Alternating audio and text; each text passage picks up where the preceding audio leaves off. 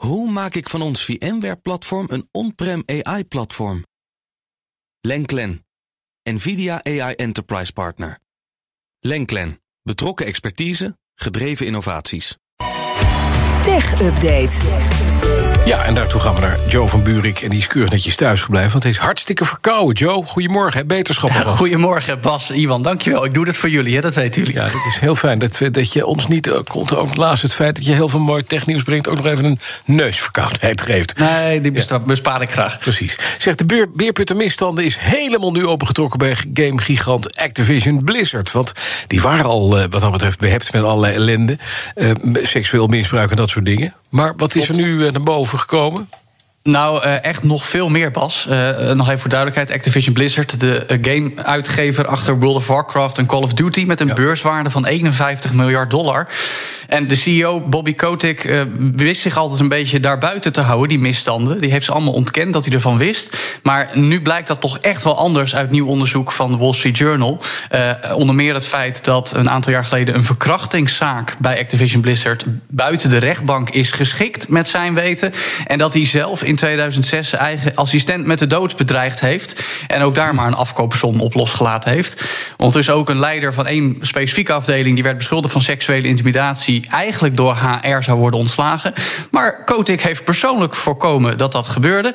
Die man is overigens alsnog opgestapt. Ehm, en dat ook in het onderzoek naar voren komt... dat het allemaal komt door overmatig gebruik van drank op de werkvloer... en een cultuur waarin de diverse ontwikkelstudio's... eigenlijk jarenlang werden vrijgelaten... omdat hun games zo beter zouden verkopen. Dus alles bij elkaar. eh, een hoop saillante nieuwe details. En sinds de zaken afgelopen zomer al aan de rol kwamen... zijn er nog 500 meldingen van wangedrag gekomen. Goedemorgen. Eh, precies. Nou, niet voor niets zijn afgelopen nacht in Amerika 150 medewerkers eh, de straat op gegaan om te staken. Maar Kotick ontkent nog steeds alles. De raad van bestuur staat achter hem in een statement, want hij doet al zoveel om dit te veranderen. En eigenlijk het enige wat ze nu merken is een tikje op de beurs, 6% in de min voor Activision Blizzard. Zo, dan. De Amerikaanse Senaat heeft een Google-criticus benoemd... in de strijd tegen Big Tech. Dat is nogal wat. Ja. Nou, precies. Dat is Jonathan Kenter. Ja. Die gaat de antitrust-afdeling van het ministerie van Justitie in de VS leiden. Die heeft al veel ervaring eh, opgedaan als advocaat in de strijd tegen Microsoft, Yelp en vooral ook Google als het gaat om die oneerlijke concurrentiepositie. Die gaat dus ook daar eh, op de antitrust-afdeling een monopolie van Google aanpakken, vooral op het gebied van de digitale advertentiemarkt. Dat is natuurlijk in navolging van het feit dat eerder dit jaar Lina Kaan als hoofd van de Federal Trade Commission is benoemd, die al heel erg kritisch op Amazon was. En ook Tim Wu, een man die de term netneutraliteit bedacht, eh, zit in het National Economic Council en doet daarin mee. Dus die drie-eenheid moet het de komende jaren gaan doen in de strijd tegen de Amerikaanse big tech. Ja, dan nog even naar Instagram.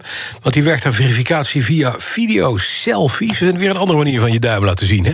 Nou ja, weet je wel, inderdaad. Dat is wel opvallend. Meerdere bedrijf, eh, gebruikers melden dat ze dat verzoek hebben gekregen om hun gezicht vanuit meerdere hoeken te scannen met de camera van de telefoon. Dat lijkt een nieuwe stap van Meta, moederbedrijf achter Instagram, om nep-accounts en trolls te weren van het platform. Ze beloven overigens dat die data niet bewaard wordt, dat zo'n video-selfie na 30 dagen wordt verwijderd. En dat werd volgens eerdere berichten in 2020 al getest, maar toen hadden ze nog wat problemen mee. Eh, dus nu wordt het in ieder geval in gang gezet. Het is alleen nog onduidelijk wanneer het voor iedereen wordt uitgerold. Ja, en de grote vraag is altijd als je biometrische data... gewoon je gezicht eh, zet, automatisch verwijderd na 30 dagen bij Meta... het voormalige Facebook, Instagram. Ja, Ja.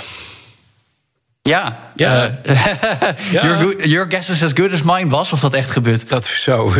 Je weet het niet. Dankjewel, Joe van Buurik. De BNR Tech Update wordt mede mogelijk gemaakt door Lenklen. Lenklen. Betrokken expertise, gedreven resultaat. Hoe vergroot ik onze compute power zonder extra compute power?